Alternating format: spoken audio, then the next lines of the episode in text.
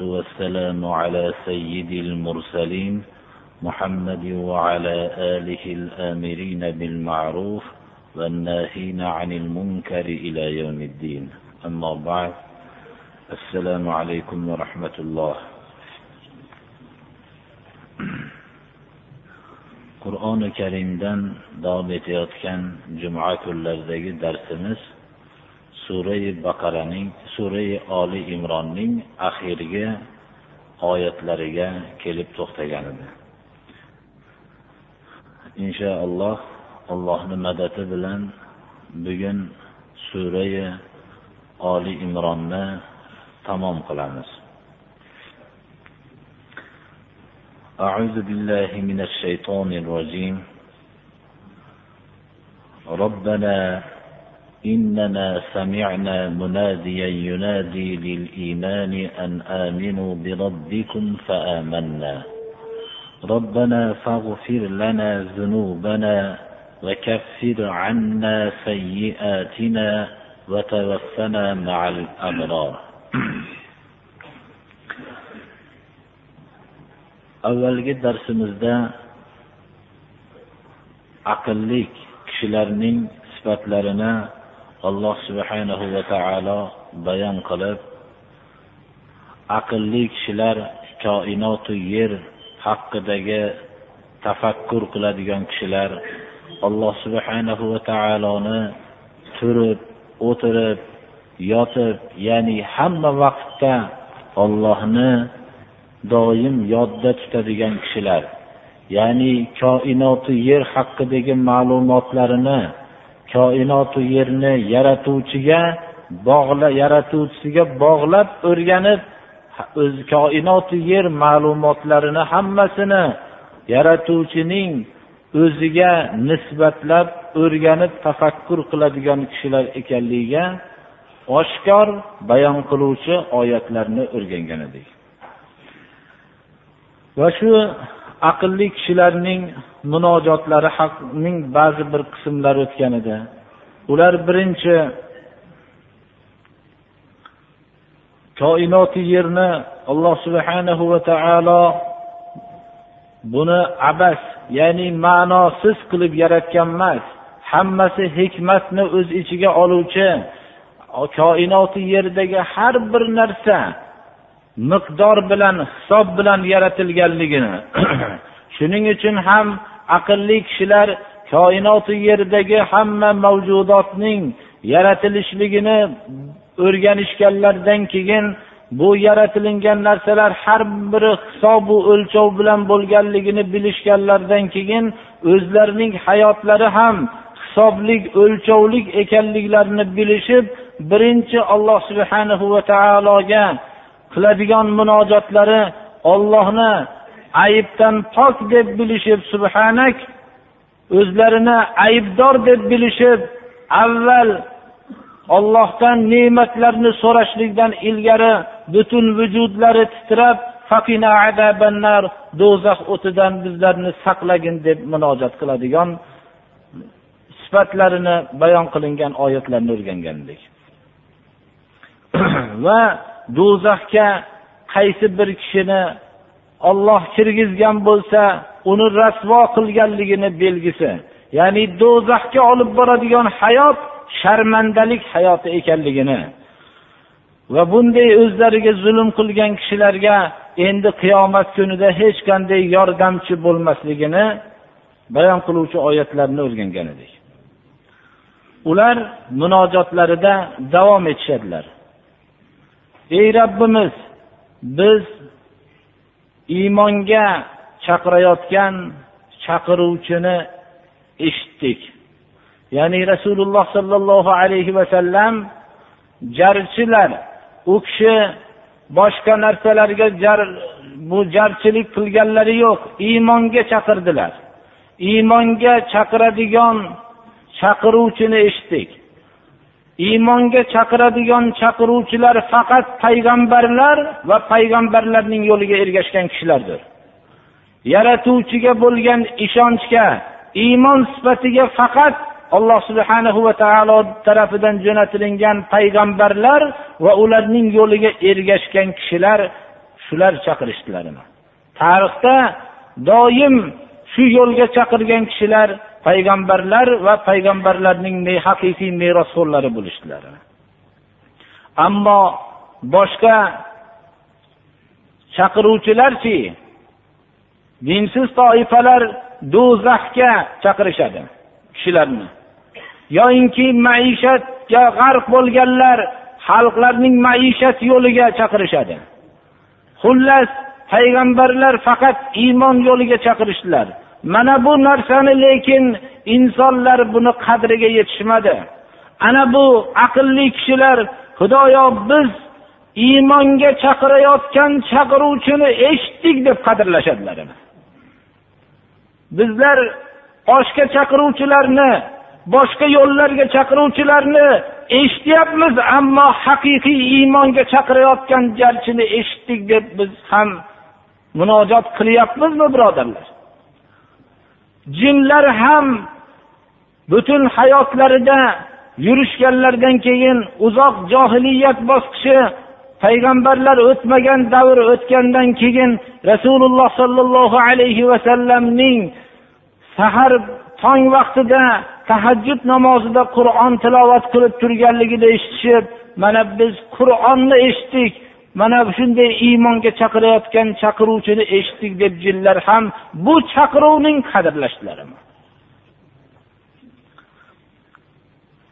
ana iymonga chaqirayotgan chaqiruvchini biz eshitdik.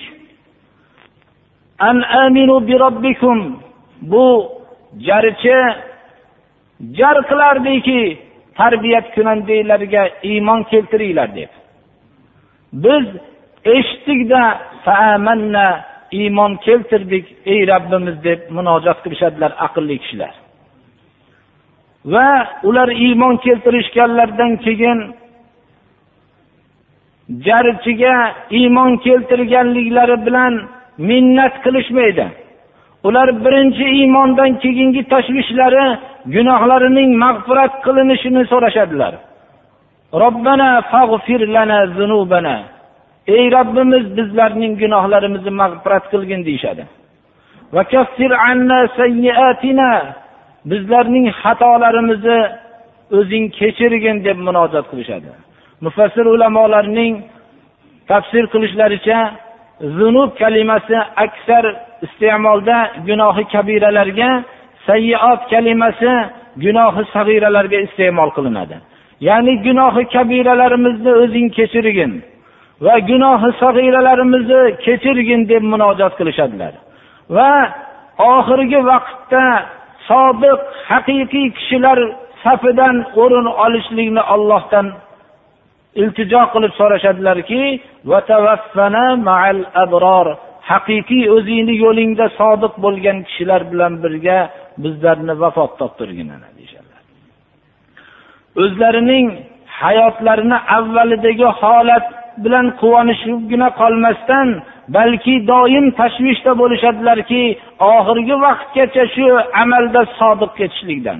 Mana hayotga bir nazar tashlasangiz avvalgi hayotida pokiza bo'lgan kishilar olloh saqlasin oxirgi vaqtda haqiqiy yo'ldan burilib ketganlar juda son sanoqsizdir birodarlar.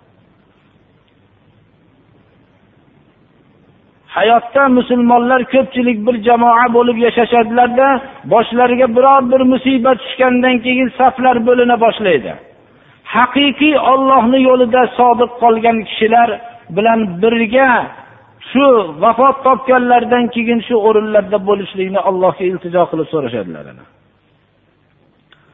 ربنا وآتنا ما وعدتنا على رسلك ولا تخزنا يوم القيامة innaka la ey robbimiz robbana va atina kalimasida robbana kalimasidan keyin vova otifa bilan va atina ollohga munojot qilib so'rayotgan fe'l keladi robbanadan keyin ya'ni ko'p narsalarni so'rashadilar va shu bilan birga payg'ambarlarga olloh subhanahu va taolo va'da qilgan narsani berishlikni bizlarga ham bergin deb munojat qilishadilar. Alloh taolo payg'ambarlarga nima narsani va'da qilgan edi? Payg'ambarlarga payg'ambarlarning tobelariga bir narsani va'da qildi.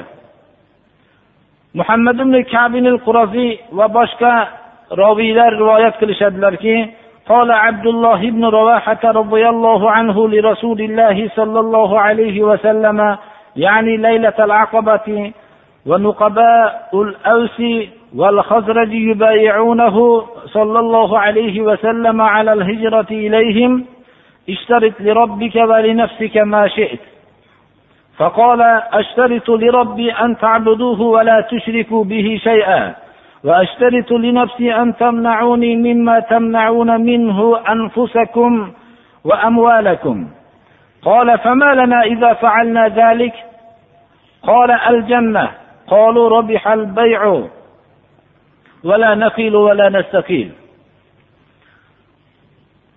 alloh subhanahu va taolo payg'ambarlarga bir narsani va'da qilgan edi tamomiy hayotlarining da'vat yo'lida bag'ishlashliklariga.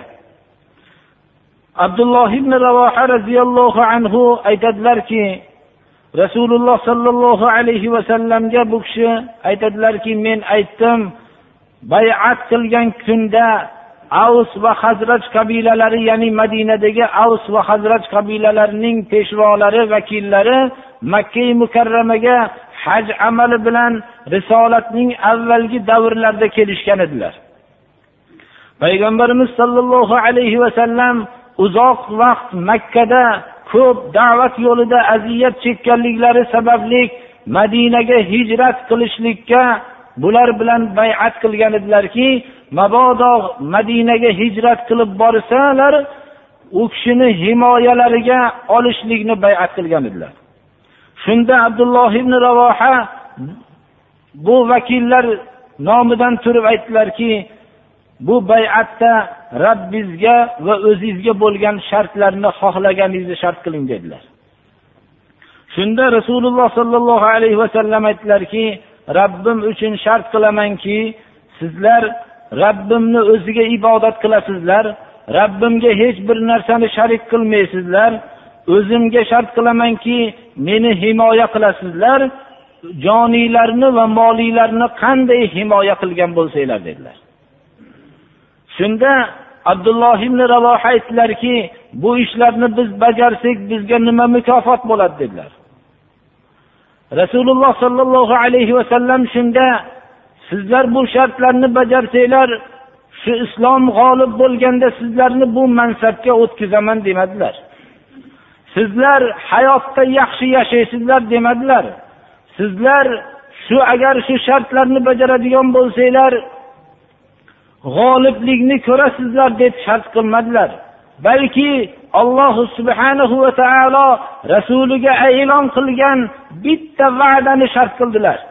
Aytdilarki bir narsani va'da qila olaman dedilar. U ham bo'lsa jannat dedilar. Dunyodagi biror bir narsani va'da qilmadilar.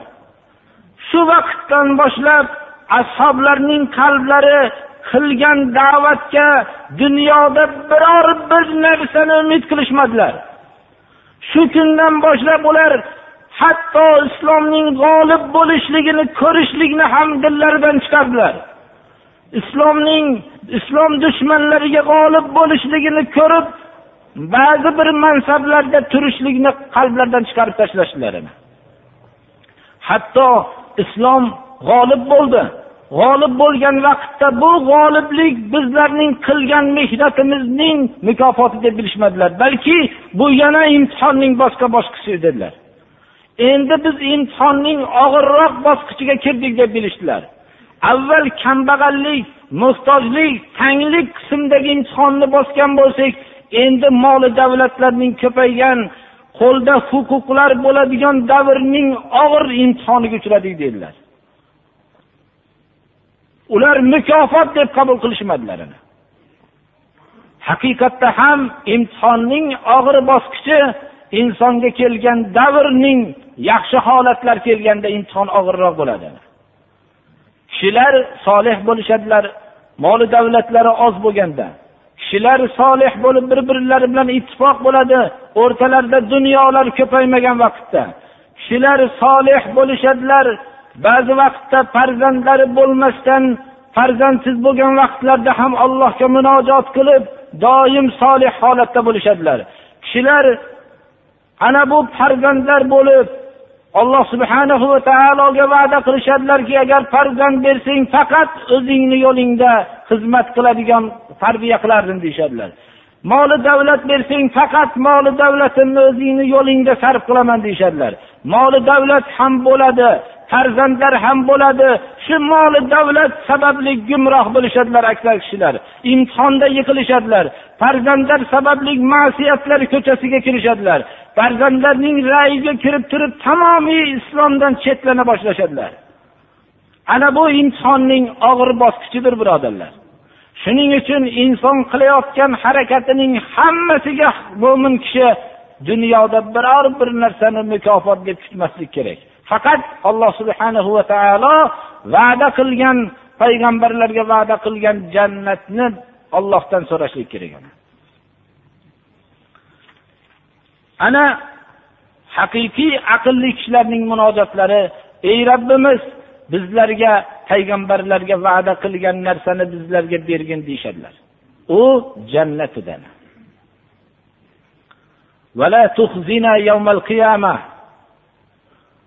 alloh subhanahu va taolodan jannatni so'rashayotgan vaqtlarida qiyomat kunidagi sharmandalikdan tashvishlari bo'lishadi. Bizlarni sharmanda qilmagin. Qachon qiyomat kunida? Qiyomat kunida sharmanda qilmagin deyishadilar inson ko'p vaqtlarda dunyodagi sharmandalikdangina xudodan panoh istab o'tadi. Haqiqatda ham dunyodagi sharmandalik ham xunuk yomon narsa. Xalqlar o'rtasidagi sharmandalik juda yomon bir holat hijolatli holat. Ammo qiyomat kunida odam alayhissalomdan tortib tamomiy payg'ambarlar huzurida tamomiy bashariyat huzuridagi sharmandalik bu haqiqiy sharmandalikdir. Ana shu kundagi qiyomat kunidagi sharmandalikdan qo'rqishib bizlarni qiyomat kuni sharmanda qilmagin deyishadilar. Sen va'daga xilof qilmaydigan zotsan. Sen haqiqiy mo'minlarga jannatni va'da qilgansan. Bu va'dangda sodiqsan. Va'daga xilof qilmaydigan haqiqiy zot sensan deb inson dunyoda har qanday katta kishi bo'lishligidan qat'iy nazar va'dasiga xilof qilib qo'yadi. Ho bilib ho bilmasdan. Ammo alloh subhanahu va taolo qilgan va'dasida doim sodiqdir. Olloh iymon keltirgan kishilarga va amali solih qilgan kishilarga shunday ollohga munojot qilgan kishilarga ko'p jannatdagi ne'matlarni va'da qildi bu va'dasiga hech qachon xilof qilmaydi alloh taolo mana shu munojotlarning samarasi nima bo'ldi munojotlarning samarasi فاستجاب لهم ربهم أني لا أضيع عمل عامل منكم من ذكر أو أنثى بعضكم من بعض alloh subhanahu va taolo shunday munojot qilgan kishilarning munojotlarini ya'ni tarbiyat kunandalari ijobat qilib qabul qildi. Qabul qilishligi sizlarning ichinglardagi er yoyinki ayol qilgan amalning birortasini zoye qilmayman dedi.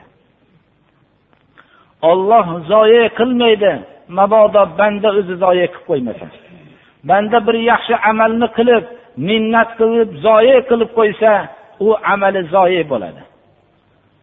Olloh erkaku ayolning qilgan amalini hech qaysisini zoya qilmaydi. Islomda er va ayol bab barobardir. Unda amali ayol kishining amali kamroq yozilib er kishining amali ko'proq yozilmaydi. Islomda er bilan ayol insonlik xususiyatida u huquqlari xususiyatida bab barobardir. Islom birinchi marta er va ayolning huquqini barobar degan islom agarki islom dushmanlari bunga g'araz bilan har xil so'zlarni aytishayotgan bo'lsa ham.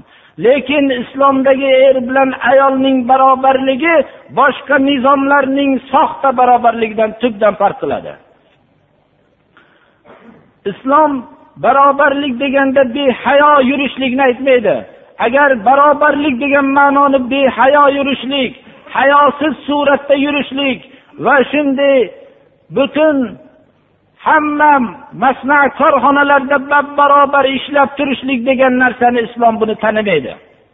Islom huquqlarda insonlik huquqlarida bab barobar deb biladi qur'oni karim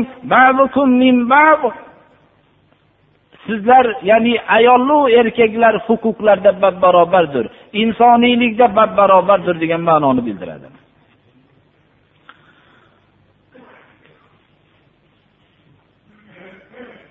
فالذين هاجروا وأخرجوا من ديارهم وأوذوا في سبيلي وقاتلوا وقتلوا لأكفرن عنهم سيئاتهم ولأدخلنهم جنات تجري من تحتها الأنهار ثوابا من عند الله والله عنده حسن الثواب alloh subhanahu va taolo amal qiluvchilarning amalini zoye qilmayman deb ularning munojotlarini qabul qilgandan keyin amal qiluvchilarning qanday ahvollarga duchor bo'lishligini bayon qilyapti.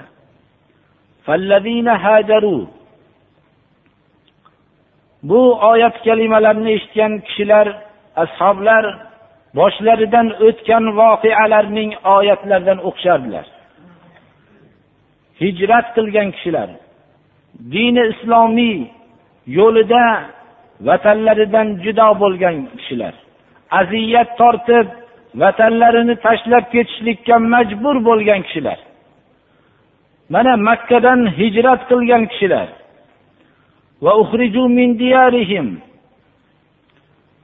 Vatanlaridan zo'rlik bilan chiqarib tashlangan kishilar din yo'lida. Meni yo'limda deydi alloh subhanahu va taolo ozor chekkan kishilar bu ozorlar o'zlarining mudofaalariga majbur qilib hatto qattiq bir kurashgan kishilar o'zlarining aqidalarini himoya qilish yo'lida qattiq bir kurashgan kishilar hatto qatl qilinishlik darajasiga borgan kishilar. Mana bu sifatlarning egalari yo alloh subhanahu va taolo va'da qilyaptiki ularning kichkina xatolarini ham kafforat qilaman deyapti. Agar sayyoat kalimasi ba'zi mufassirlarning fikrida kichkina xatolarga iste'mol qilingan bo'lsa kichkina xatolarni ham kafforat qilishlik va'dasi bo'lyapti. Va kafforat qilishlikni o'zi bilan cheklanib qolmasdan alloh subhanahu va taolo yana va'da qilyaptiki ostlaridan anhorlar o'tgan jannatlarga kirgizaman. Bu olloh tarafidan bo'lgan savobdir. Bu olloh tarafidan faqat mukofotgina emas mukofotga inson loyiq amalni qila olmaydi. Olloh tarafidan beriladigan mukofotga inson loyiq amalni qilolmaydi. Shuning uchun olloh tarafidan bu fazlan marhamatan shunday mukofotlar beriladi. Ollohni huzurida nihoyatda yaxshi marhamat savoblar bordir har bir mo'min kishi o'zining hayotini hozirgi sifatlarga bir taqqoslab ko'rsin. Din yo'lida o'zining turar joyidan boshqa yerga bir hijrat qilganmi? Yoyinki faqat dunyo topish yo'lidagina hijrat qilganmi? Din yo'lida o'zining vatanidan haydab chiqarilganmi? Mana hozirda ham ba'zilar mahalladan haydab chiqarishlik boshqa narsalar kelgan vaqtda inson haq yo'ldan tona boshlayapti. Alloh subhanahu va taolo o'zining eng aziz bandalarini din yo'lida shunday qiyinchiliklarni tortishligini o'zi iroda qildi. Haqiqatda ham ashobi rasululloh sollallohu alayhi vasallam bular shu yo'lda shu sifatlarning egasi bo'lishdilar. Ollohni yo'lida biror bir qiyinchilik chekkanmi ho chanqoqlik ho ochlikni xoh biror bir dardman bo'lib qolsa ollohni yo'lida biror a'zosidan judo bo'lib qolganmi? Yoinki faqat dunyo yo'lida bo'lganmi? Mo'min kishi bir o'zini shu taroziga solib ko'rmoqligi kerak. Ana alloh subhanahu va taolodan xatolarning kafforatini mana bunday sifatlarga ega bo'lib turib so'rashligi kerak. Bizda ham vatandan judo bo'lganlar bor. Bizda ham o'zlarining diyorlaridan zo'rlik bilan chiqarilganlar bor. Bizda ham ko'p aziyatlar chekkanlar bor lekin aksar hammasi desak xato bo'larmikin deyapman. Aksar olloh yo'lida emas balki dunyo yo'lida shunday bo'lishganlar. Olloh yo'lida biror bir kishiga aziyat chekib qolsa uning baxtsiz degan narsani hamma odamlar shunga qo'llari bilan ishora qilib ko'rsatishadilar. alloh subhana va taolo mana bunday din yo'lida qiyinchilik topganlarga kafforatlarini gunohlarining kafforat qilaman deb va'da qilyapti va ostlaridan o'tayotgan anhorlar o'tadigan jannatlarni va'da qilyapti لا يغرنك تقلب الذين كفروا في البلاد متاع قليل ثم مأواهم جهنم وبئس المهاد inson da'vat yo'lida avvalgi bosqichlarni bosib o'tayotganda kofirlarning viloyatlardagi zo'ravonlik qilib yurishliklari uni qo'rqitib tashvishga solib bu soxta holat uni aldab qo'yadida o'zining haq yo'ldagi harakatidan susayib qaytib qoladi. Alloh subhanahu va taolo hatto rasul sollallohu alayhi vasallamdek shunday qalblari muborak bo'lgan qalblardagi iymon shunday yuqori bo'lgan zotga ham sizni aldab qo'ymasin viloyatlardagi kofirlarning. Har taraflarga molu martabalarni qo'lga keltirishlik uchun yurayotgan harakatlari sizni aldab qo'ymasin. Qalil bular ozgina bir foydalanishlikdan boshqa narsa emas. Jahannam bunday harakatlarning oqibati bu harakatlarning qilgan kishilarning oxiridagi turar joylari jahannamdir. Va mihad bu qanday bir yomon o'rindir mihod arab kalimasida arab tilida yumshoq joyni aytadi. Bu qanday yomon yumshoq joy deb mazhara uslubida aytilyapti chunki viloyatlarda har qanday ko'p narsalarni qo'lga keltirib yurgan kofirlar shunday dabdaba bilan yurishib boshqa mo'minlarni masxara qilishadilar alloh subhana va taolo jahannamni ularga qanday bir yumshoq yomon joy deyilyapti jahannam o't bu jahannam bu yumshoq joy emas masxara uslubida ularga xitob qilinyapti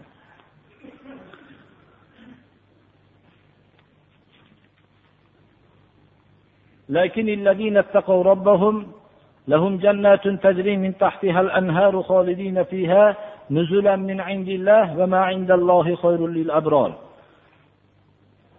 lekin tarbiyat kunandalardan taqvo qilib yashagan kishilar ularga ostlaridan anhorlar oqadigan jannatlar bitta jannat emas bir necha jannatlar bular bunday rohatda abadiy bo'lishadi Bu olloh tarafidan bularga ziyofatan ya'ni ziyofatan shunday qilinadi.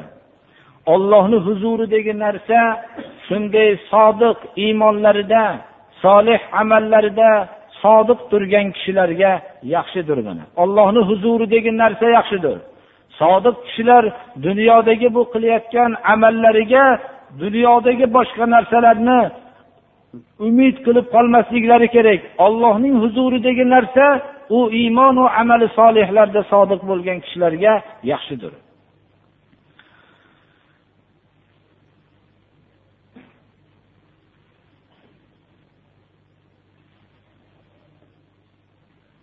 وإن من أهل الكتاب لمن يؤمن بالله وما أنزل إليكم وما أنزل إليهم خاشعين لله لا يشترون بآيات الله ثمنا قليلا أولئك لهم أجرهم عند ربهم إن الله سريع الحساب ahli kitoblar ichida ollohga iymon keltirgan kishilar sizlarga tushirilgan qur'onga iymon keltiruvchi kishilar va o'zlariga tushirilgan tavrotu injil zaburlarga iymon keltirgan kishilar bordir deb alloh subhanahu va taolo bayon qilyapti islom doim insof qiladi Bir toifa islomga qarshi bo'lishligi bilan u toifaning ichidagi sof dil haqiqiy insonlarni esdan chiqarib qo'ymaydi. Mana bu oyatda ahli kitoblar islomga qanchalik qarshilik qilishsalar ham qur'oni karim ularning ichidagi haqiqiy mo'minlarni esdan chiqarmayapti. Ahli kitoblarning ichida ollohga iymon keltirgan o'zlariga sizlarga tushirilgan va o'zlariga tushirilgan muqaddas ilohiy kitoblarga iymon keltirgan kishilar bor. Ular ollohga doim tazarru qilishadilar. Ibodatlarida tazarru qilishadi va ollohning oyatlarini ozgina pulga sotishmaydi ular. Ollohning oyatlarini ozgina pulga sotishib o'zlarining haq yo'llaridan voz kechishmaydi. Har qancha katta martabalardan mahrum bo'lishsalar ham ollohning oyatlarini o'zgartirmasdan to'g'ri bayon qilishadi. Abdulloh ibn salom va boshqalarga o'xshagan. Abdulloh ibn salom yahudiylar ichidagi eng hurmatli kishilardan edi roziyallohu anhu. Bu kishi har qancha hurmatlari bo'lsa ham rasululloh sollallohu alayhi vasallamning haq payg'ambar ekanliklarini ko'rganlaridan keyin hamma martabalardan mahrum bo'lsalar ham u kishiga iymon keltirib mana bu haqiqiy mo'minlar safidan o'rin oldilar va qiyomatgacha abdulloh ibn salomning hurmatini butun musulmonlar bu kishi saqlab hurmat bilan tilga olishadigan bo'ldilar alloh subhana va taolo ozchilik bo'lsa ham bularning haqidagi insofni islom esdan chiqarmasdan mana bayon qilyapti. Qur'onda ularni yod qilyapti insofliklarini. Ular ollohning oyatlarini oz pulga sotmasligini bayon qilyaptiki insonning gumroh bo'lishligi ollohning oyatlarini sotishlikka joylashgandir birodarlar. Inson ollohning oyatlarini ozgina pulga yer yuzining hammasi berilgan bo'lsa ham oz puldir u. Ana bu oz pulga sotishlikdan gumrohlik vujudga keladi. Qur'oni karim ularning maqtash sifatlarini maqtash bayonida ular ollohning oyatlarini osmonga pulga sotmaydi deb bayon qilyapti. Bular o'zlarining qilgan amallariga va hech bir mukofot umid qilmasdan dunyoda faqat oxiratdagi mukofotni umid qilib yashashgan edi. Ular ollohning oyatlarini oz pulga sotishmagan edi. Shuning uchun ularga alloh subhana va taolo shunday haq yo'lda barqaror bo'lishlikni tarbiya bergan zotning huzurida ularning mukofotlari saqlanib turadi. Ollohning hisobi tezdir juda. Olloh hisobni tez qiladi. Mana bu oyatda har bir kishi o'zining da'vatiga xolis da'vat qilishlikka targ'ib joylashgandir birodarlar mana. Mukofotini oxiratdan umid qilib shu da'vatni qilishlikka odatlanishlikka o'rganmoqligimiz kerak. Lekin bu da'vat yo'lidagi kurash osonlik bilan bo'lmaydi.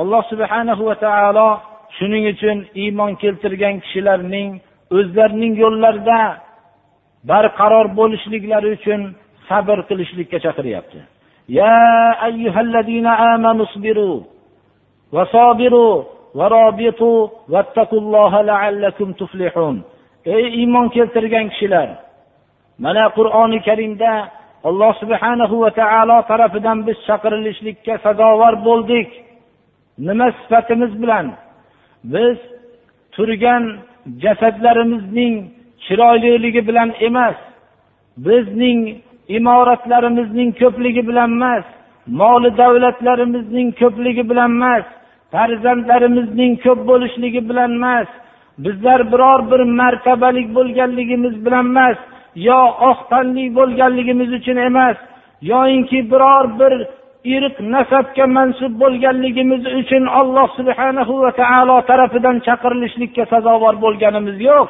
Biz faqat bir dona sifatimiz bilan shunday zaif bo'lsak ham shunday buyuk robbil alamin tarafidan chaqirilishlikka sazovor bo'ldik u sifat iymon sifatidir birodarlar. Ey iymon keltirgan kishilar deb shu sifatimizni bizga alloh subhanahu va taolo e'lon qilib chaqiryapti. Sabr qilinglar deyapti alloh taolo. Iymon iymon sifatidan mustahkam barqaror bo'lishlik uchun inson sabr qilishligi kerak. Chunki u ko'p mashaqqatlarga duchor bo'ladi. Sabr qilinglar. Qur'oni karimda eng ko'p zikr qilingan kalimalardan bittasi sabr kalimasi bo'lsa taqvo kalimasidir ikkinchisi. Sabr qilishlikning o'zi kifoya qilmaydi. Chunki sizni muqobilingizdagi dushmanlar ham o'zining botilida sabr qiladi. Dushmanlar ham botil yo'llarida alamlanishsa shunga sabr qilishadilar استعيذ بالله إن تكونوا تعلمون فإنهم يعلمون كما تعلمون وترجون من الله ما لا يرجون sizlar haq yo'lda iymonu islom yo'lida alamlanayotgan bo'lsanglar ular ham botil yo'lda alamlanyapti ular ham ko'p qiyinchiliklarni botil yo'lda kechirishyapti Lekin ularning ollohdan hech qanday umidlari yo'q. Ular oxiratga ishonmasdan turib shunchalik botil yo'llarda sabr qilishyapti. Sizlar bo'lsa ollohdan kofirlar umid qilmagan umidlarni qilyapsizlar. Haqiqatda mo'minlar oxiratdagi jannatni umid qilishadilar. Ollohning mag'firatini umid qilishadilar. Ular botil tuproqqa aylanib chirib yo'q bo'lib ketadi degan ahli botillar o'zlarining botillarida sabr qilsa sizlar ollohdan shuncha umid qilayotgan kishilar haq yo'lda sabr qilishinglar loyiq emasmi degan mana oyatlar bor qur'onda. Sabr qilinglar va dushmanlar bilan sabrlashinglarki sizlarning sabringlar haq yo'ldagi sabringlar dushmanlarning botil yo'ldagi sabrdan ko'proq bo'lsin. o'zinglarni din yo'liga bog'langlar.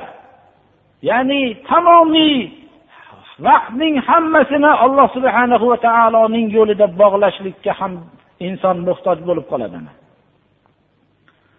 bismillahi rohmanir rohim bir kechayu bir kunduz ollohning yo'liga o'zini butunlay tikib bog'lab qo'yishlik dunyoning hammasi sizniki bo'lib dunyodagi hamma narsalar sizniki bo'lib turib ollohni yo'lida ehson qilib yuborganligingizdan afzaldir ana o'zingizga bir savol qilingki alloh subhanahu va taolo o'zinglarni ollohni yo'lidagi xizmatga bog'langlar deyapti. Bir kecha bir kunduz ollohni yo'liga o'zingizni bog'laganmisiz? Bir savol qiling. Nechi yil nechi ming kunlarning hayotda o'tkazib biror kecha va kunduzni o'zingizni ollohni yo'liga bog'laganmisiz? Mabodo bog'lagan bo'lsangiz biror bir izdihomni o'tkazishlik uchun nechi kunlab kunlarni bog'lagansiz? Dunyo topishlik uchun butun umringizni bog'lagansiz? Ammo faqat ollohning rizosi uchun bir kecha va bir kunduz o'zingizni bog'laganmisiz? Alloh subhana va taolo ey iymon keltirgan kishilar sabr qilinglar va sabrlashinglarki dushmanlarning botildagi sabridan sizlarning haq yo'ldagi sabringlar ortiqroq bo'lsin. Ba'zi vaqtlarda tamomiy vaqtinglarni ollohni yo'liga bog'langlar. Ollohdan qo'rqinglar. Kishilarda hammasidan so'rasangiz men ham sabr qilyapman deydi. Men dushmanimni qilayotgan sabrdan ko'ra ko'proq sabr qilyapman deydi. Men ham ollohni yo'liga o'zimni bog'layapman deb aytaveradi. Lekin bu haqiqatda shunday qilyaptimi? Haqiqatda bunday qilmayaptimi? Buni masalaning taqvo hal qiladi. Shuning uchun vattaqulloh har bir narsada ollohdan qo'rqinglar. Shunda shoyat sizlar najot topgaysizlar. Alloh subhanahu va taolo suray oli imronni oxirini najot kalimasi bilan tamomladiki oli imron imron oilasi surai oli imronda zikr qilingan xususan maryam bu va hamda iso alayhissalom o'g'illari bu kishilar imron oilasidan bular dunyoda tuhmatdan ham najot topishdilar. Alloh subhanahu va taoloning himoyasi bilan va bular hayotda ham najot topishdilar. Mana surai oli imronda najot topgan imron oilasini zikr qilindi va surai oli imronning oxiri ham najot kalimasi bilan tugadi mana. Va bizlar uchun eng zarur bo'lgan najot yo'lini surai oli imronning oxirgi oyatida bayon qilindiki bu iymon yo'lida sabr qilish va sabr qilishlikni o'zigina emas balki ko'p sabr qilib botil ahllari o'zlarining botiliga bo'lgan sabrdan ko'ra ko'proq sabr qilishlik va ba'zi vaqtlarda tamomiy vaqtni ollohni yo'lidagi xizmatga bog'lashlik va taqvo qilishlik bu sifatlar najotga sabab bo'lishligini bayon qilishlik bilan surai oli imron tamom bo'ldi mana. Ba'zi rivoyatlarda oyisha siddiqa roziyallohu anhodan rivoyat qilinganda rasululloh sollallohu alayhi vasallamning ahvollaridan eng ajoyib bir ahvolni aytib bersiz deb savol qilinganda bu kishi yig'ladilar va aytdilarki u kishining ishlari hammasi ajoyib edi.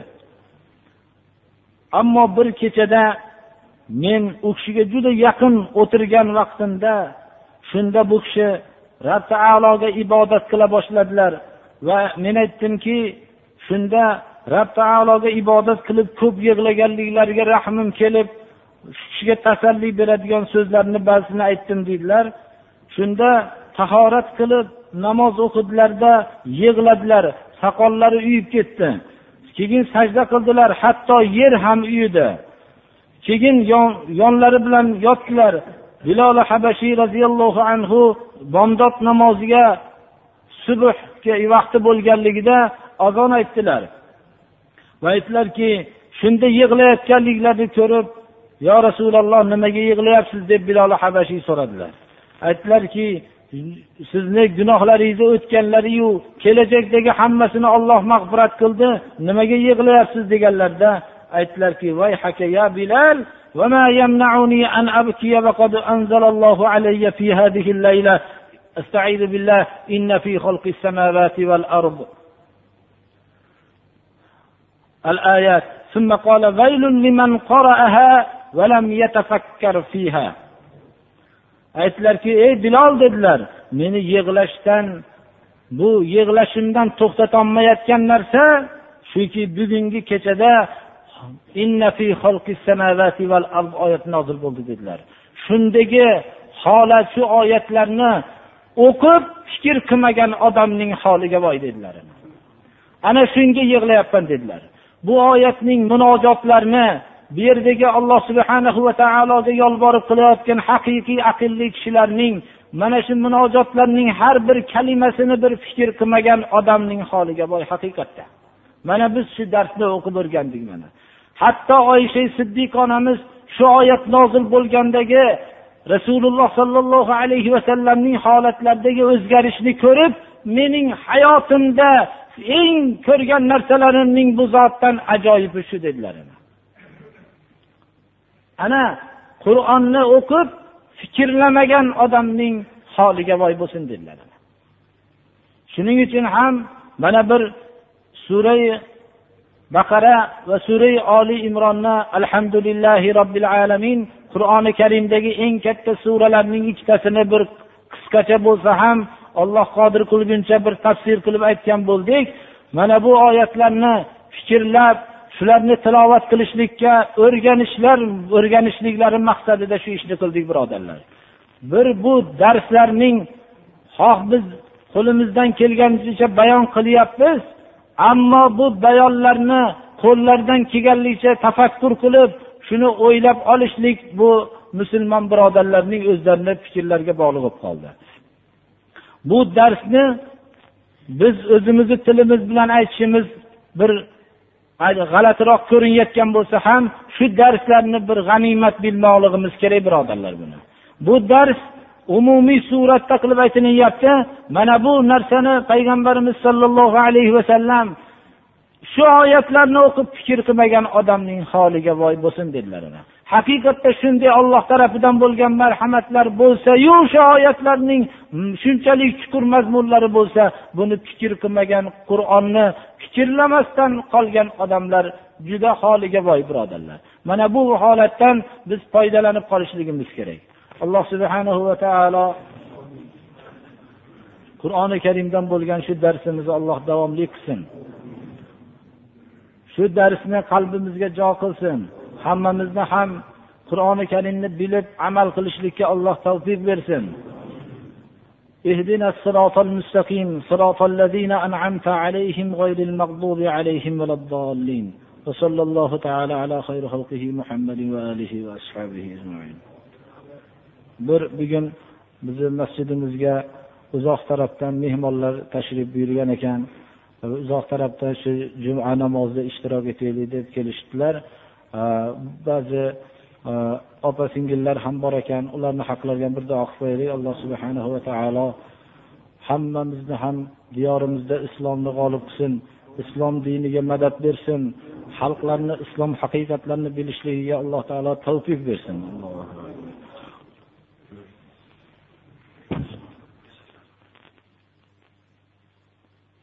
Vaqt qanaqa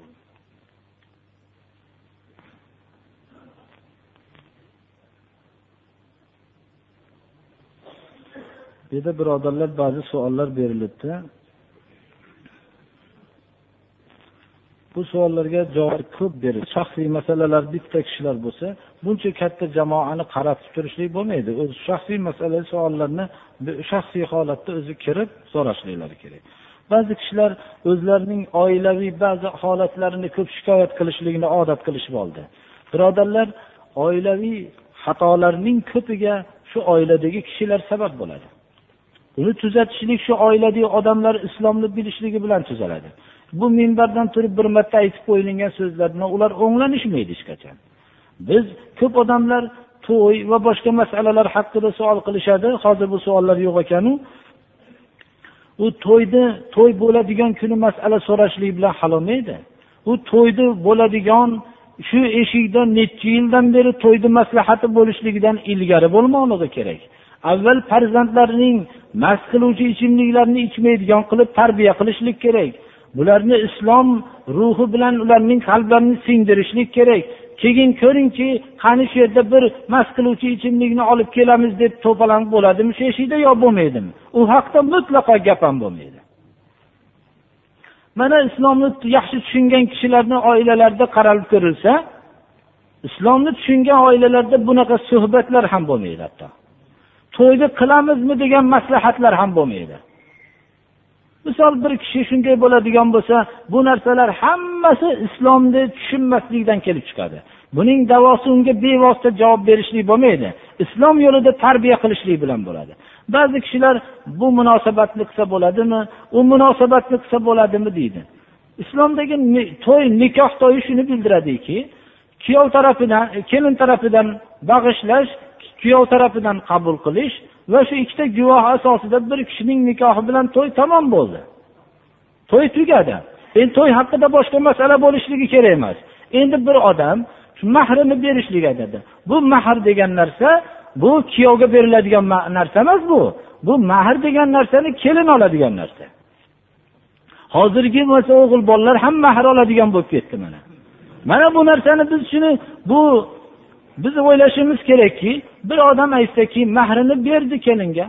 Endi bir odam kuyovini bir hurmat qilib turib shunga bir sovg'a salom beraman degan bo'lsa bersa beraversin. Buni haqda biz buni hadeb bahs qilib buni bir qalbga solaman deb turishimiz to'g'ri kelmaydi. Islomni tushungan oilalarda bunaqa savollar bo'lmaydi. Bizni asli kasalimiz islomni bilmaganligimizdan kelib chiqadi mana bu narsani bilishlik kerak. Lekin masala so'rashlik u hamma ishni qilib bo'lib uyda mutlaqo islom yo'q. Xuddi bu masalalar shunga o'xshaydiki namoz o'qimaydi ro'za tutmaydi doim ishi aroq ichishlik va kashandalik uylangan uylanganu beshta farzandi bo'lgandan keyin uchtaloq qilib qo'ydim nima bo'ladi deb islomni masxara qilib savol qilib kelishadi. Islom unga shu vaqtgacha beshta farzandli bo'lguncha kerak bo'lgan emas faqat xotini bilan ajrashgan kunda unga islom kerak bo'lib qolgan. Bo'lib ham uni butun hayoti islomga zid bo'lgan hayoti bu narsalarni bunaqa qilib so'rab kelganda ahli ilmlar bunga javob berishlikdan hazar qilmoqlari kerak. Bizni islomni masxara qilmasdan jil bu yerdan deyish kerak. Ana bu islom kerak bo'ladigan bo'lsa islom tug'ilganidan boshlab hayotining oxirigacha kerak bo'ladi. Islomsiz hayotni tasavvur qilolmaydi mo'min kishi har bir amalini islomga muvofiq qilib yashaydi. Ba'zilar islomning qalbida bo'lsa bo'ldiyu tashqarida bo'lishligini xohlamaydi. Ya'ni tashqarida ayollari hayosiz yursa ham unga kerak emas islom. U tashqaridagi ishlarga hech islom aralashmasayu faqat qalbida bo'lishligini xohlaydi. Mana bu narsalar bu ko'p savollarning kelib chiqishligi biz va o'zinggagina ibodat qilamiz. Sendangina madad so'raymiz degandan keyin bitta tosh osib olib bundan madad so'rasak bu bitta narsani uyimizga kalla suvagini osib qo'yib bizni uyimizni himoya qilib turadigan shu shu hayvonni qo'yni yo echkini kallasi saqlab beradi deb qo'yib qo'ysak yo bu narsalar bizni saqlaydi desak biz islomni tushunmaganlikdan bizdan so'ralmasinki bu kallani osib qo'ysa bo'ladimi bo'lmaydimi deb. Bu islomni tushungan u kishilar bu narsani mutlaqo qilmaydi. U kallani yaxshi so'yib yeydi e, suvagini egasiga beradi itga beradi topshirib beradi ana. Bu narsalarni savol qilmaydi hech kim. Echkini kallasini so'yib uni go'shtidan foydalanadida suvagini egasiga beradi. Isiriq bo'lsa uni tutatib uylarni xushbo'y qilib foydalanadi. Islomni tushunmaslikdan mana shunday savollar paydo bo'ladi. Islomni mukammal tushungan kishida bunaqa savollar bo'lmaydi mayda chuyda savollar u islomning da'vatni ta'sir qildirishlik. Shuni ham bilaylikki bir kishini bir kunda musulmon qilib komil qilib ham tarbiyalab bo'lmaydi. Uning bittadan uni xatolarini ogohlantirib xatolarni tuzatishlik islomni tushuntirishlik yo'li bilan bo'ladi alloh subhanahu va taolo hammamizni ham haqiqat yo'lida barqaror qilsin islomiy fikrlarni tushunishlikka alloh o'zi tavfiq bersin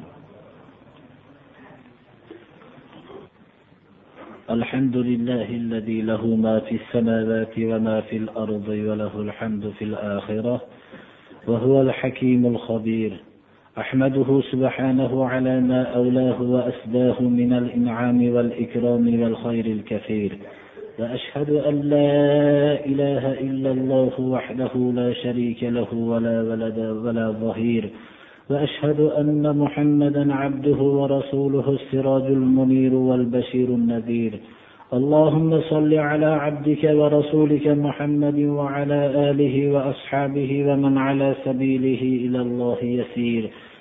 وسلم تسليما كثيرا.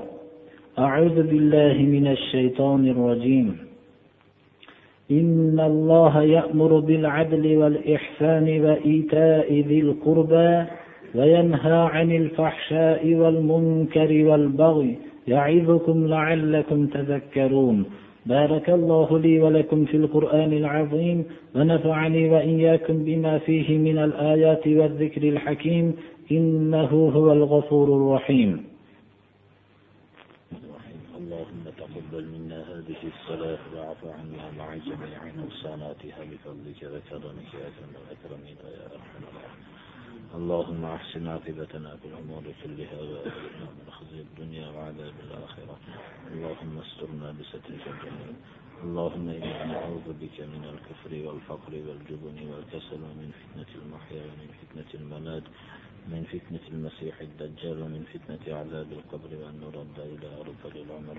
وصلى الله تعالى على خير خلقه محمد وآله وأصحابه أجمعين الطاهرين الطيبين والحمد لله معهم rahmatika ya